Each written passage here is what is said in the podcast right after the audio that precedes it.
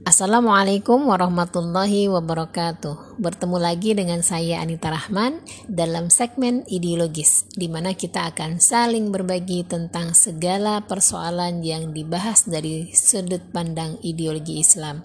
Kali ini saya ingin berbagi tentang sebuah artikel yang ditulis di muslimahnews.com. Semoga uh, jariah pahala mengalir juga untuk sang penulis e, dari tulisan ini saya berharap bisa menjadi motivasi buat kita khususnya untuk saya pribadi bagaimana e, agar kita dalam beramal tidak menjadi sia-sia karena hanya e, bagikan e, debu yang beterbangan ya. Inilah judul yang e, diambil penulis jika amal beterbangan bagai debu Duhai saudariku, saat ini kita hidup pada zaman di mana agama mudah dijual demi mendapatkan materi.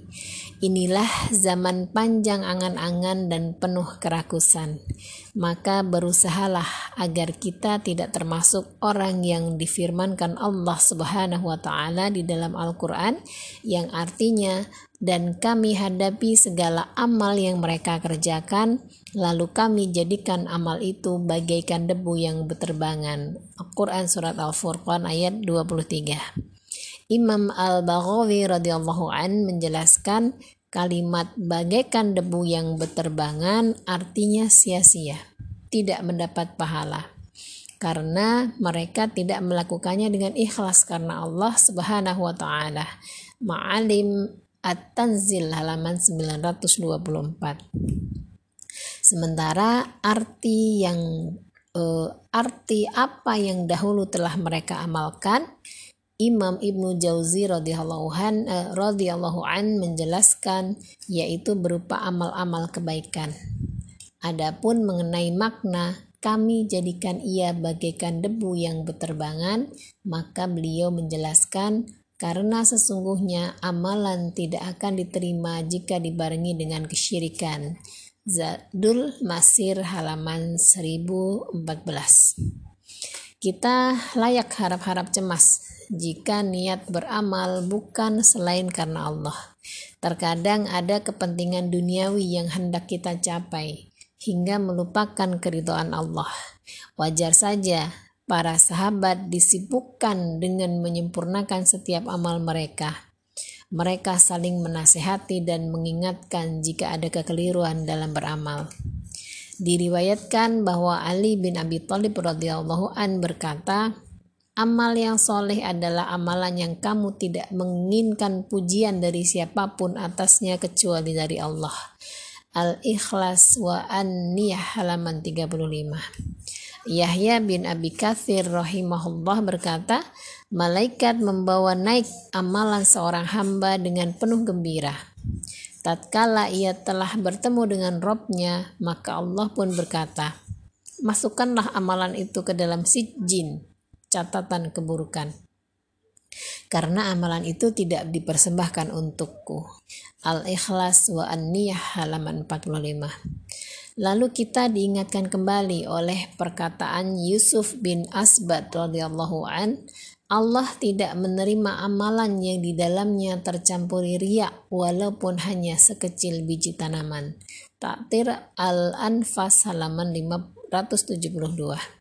Sungguh malu jika diri menghadap Allah dengan percaya diri meyakini telah banyak berbuat di jalan dakwah, berkontribusi besar memperjuangkan agamanya, mengeluarkan harta yang banyak untuk membiayai dakwah, tapi ternyata semua itu bercampur riak meski hanya sekecil biji tanaman.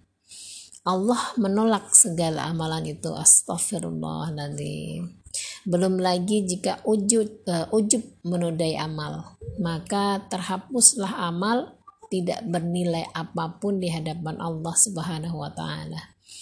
Imam uh, Nawawi mengingatkan kita, ketahuilah bahwasanya keikhlasan sering kali terserang oleh penyakit ujub. Barang siapa yang ujub dengan amalnya, maka amalnya terhapus. Begitu pula orang yang menyombongkan diri dengan amalnya, maka amalnya pun menjadi uh, menjadi terhapus. Taktir Al-Anfas halaman 584. Saudaraku, setelah membaca ini semua, selayaknya kita berdoa kepada Allah sebagaimana doa yang dipanjatkan oleh salah seorang ulama salaf, Ya Allah, ampunilah ria dan sum sum'ahku. Tatir Al-Anfas halaman 577. Semoga Allah menjaga niat kita dalam beramal semata-mata untuk mendapatkan keridhaannya.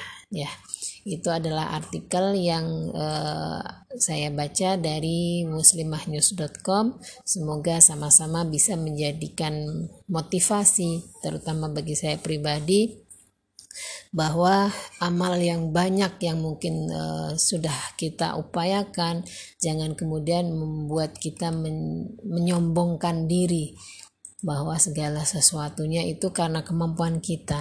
Karena sungguh tidak ada daya dan kekuatan kecuali dengan pertolongan Allah. Apalagi tadi sudah disampaikan bahwa sedikit pun ada e, benih kesombongan maka sia-sialah e, amal yang sudah banyak tadi yang e, kita lakukan karena tidak akan diterima sebagai amal yang baik. Semoga kita bisa terhindar dari sifat-sifat itu, sifat-sifat sombong, sifat-sifat ria, melakukan sesuatu tidak untuk Allah ya. Kita masih terkadang e, tiba-tiba di tengah jalan niat kita tidak kembali lurus e, sebagaimana di awal maka saat itu terjadi segeralah mengucapkan istighfar kemudian meluruskan niat bahwa apa pun ikhtiar yang kita lakukan semata-mata hanya untuk membuat Allah ridho semata-mata hanya untuk mendapatkan pahala, bukan sekedar pujian ataupun balasan yang bersifat dunia. Dan apalagi kita paham bahwa seandainya amal-amal kita ini digunakan untuk membeli dalam tanda kutip ya nikmat yang telah Allah berikan maka tidak akan pernah cukup. Bahkan hanya untuk sekedar membeli nikmat yang sebelah mata saja. Itu amal kita seumur hidup.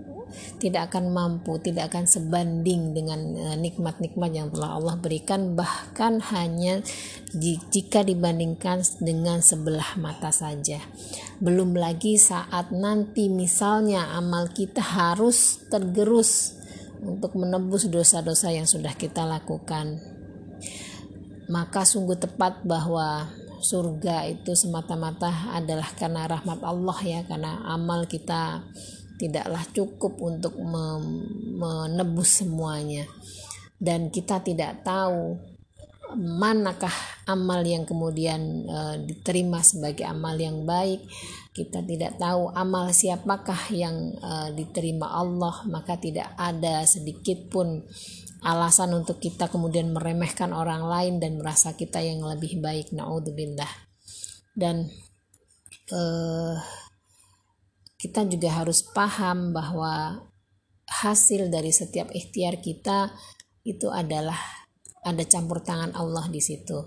Jangan kemudian e, berharap semua yang kita ikhtiarkan hasilnya sesuai dengan harapan. Karena hukum sebab akibat itu hubungannya dengan perbuatan manusia, hubungannya dengan ikhtiar yang bisa kita pilih eh, dan tidak ada hubungannya dengan apa hasilnya nanti. Karena hasilnya itu adalah bagian dari ketetapan Allah dan uh, posisi uh, hukum sebab akibat tadi atau perbuatan manusia tadi hubungannya adalah pada pahala dan dosa. Apakah uh, sebab-sebab uh, yang kita upayakan itu sudah sesuai dengan hukum syara yang otomatis itu akan uh, mendatangkan pahala atau sebaliknya justru melanggar hukum syara yang jelas-jelas akan membuahkan dosa masalah hasil maka itu adalah urusan Allah contoh misalnya kita e, rajin belajar.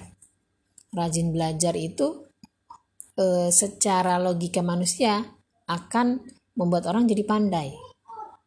Tapi faktanya tidak semua orang yang rajin belajar itu jadi pandai ada juga yang e, nggak e, paham-paham meskipun sudah rajin belajar. Nah, kalau kita niatnya rajin belajar hanya untuk sekedar biar pandai, maka saat kita ternyata nggak pinter-pinter, bisa jadi kita kecewa. Bisa jadi kita kemudian menyerah dan nggak mau belajar lagi. Nah, Padahal sebagai seorang muslim kita harus paham bahwa, eh, bahwa belajar atau menuntut ilmu dalam hal ini apalagi ilmu agama hukumnya wajib.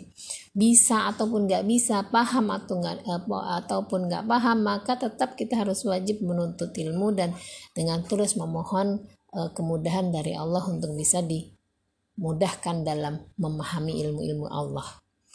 Itu bedanya bahwa eh, perbuatan kita, amal-amal kita itu hubungannya dengan eh, pahala dan dosa, bukan dengan apa namanya eh, hasilnya, karena belum tentu apa yang kita upayakan hasilnya sesuai dengan yang kita ekspektasikan.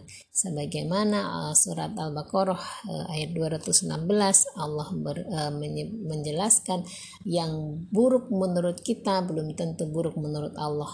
Begitu juga sebaliknya yang buruk menurut uh, yang baik menurut kita belum tentu itu justru baik menurut Allah.